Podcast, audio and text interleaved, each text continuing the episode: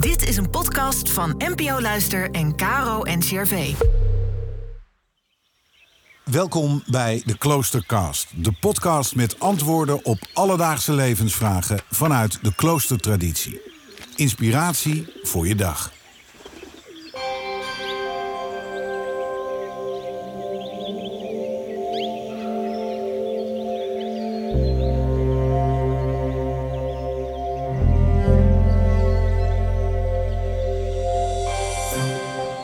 Pater Hugo Beuker is kluisenaar. Hij woont al twintig jaar in zijn kluizenarij Onze Lieve Vrouwen van de Besloten Tuin in Warfhuizen. Hij gaat vandaag op zoek naar stilte.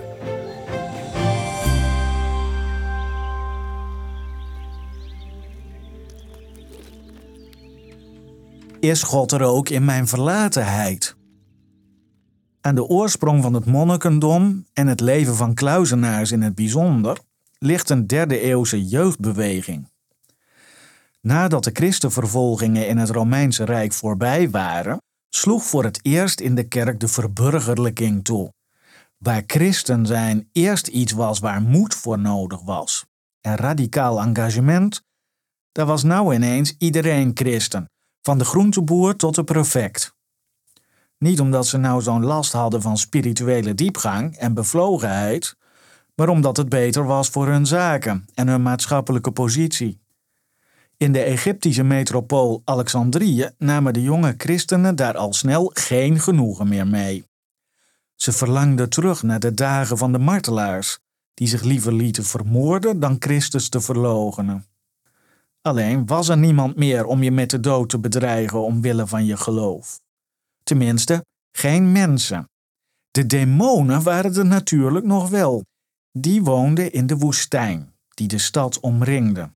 Die woonden in de graven en de ruïnes die de oude wereld van de farao's in het zand had achtergelaten. Die woonden in de stilte.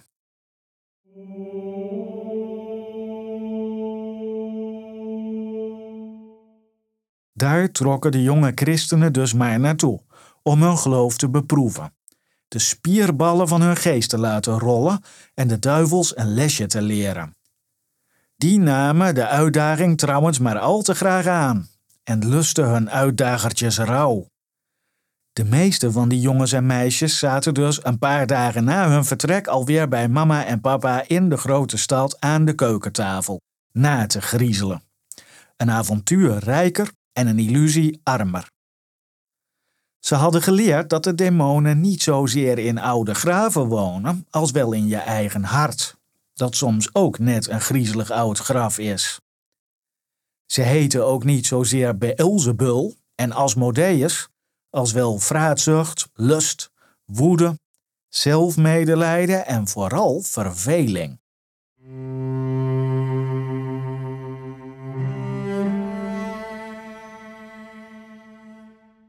Sommigen hielden het leven in de woestijn trouwens wel vol en ontdekten dat de stilte niet alleen wordt bevolkt door demonen, maar ook door God en zijn engelen.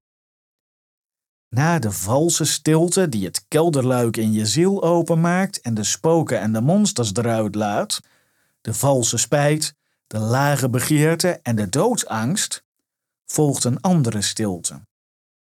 Die bestaat uit een zuiver hier en nu, waar niks anders doorheen zit. Geen gisteren, geen elders, geen had ik maar, of was ik maar, of zou het niet goed zijn als, of, God verhoede, stel je voor dat.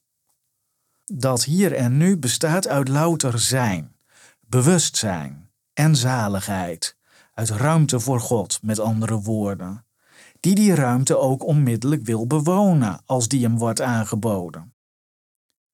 Uit de paar pioniers die die ruimte met God wisten te vinden, ontstonden de zogenaamde woestijnvaders, de eerste christelijke monniken en monialen. Ze leefden meestal met hoogstens drie of vier bij elkaar. Eén ervaren oudvader of moeder met een paar leerlingen. Er zijn tijden geweest dat de woestijn vol stond met van die kleine kloostertjes. Dat waren trouwens ook precies de tijden dat de hemel op aarde weer verdween en er opnieuw tegen de demonen moest worden gestreden.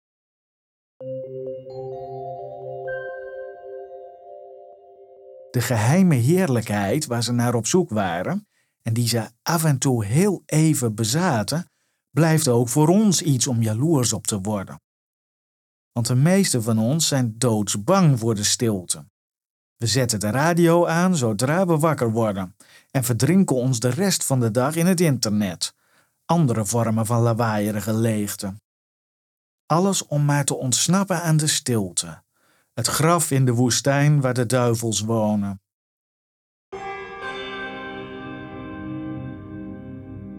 Heer, geef ons de moed daar geduldig op u te wachten.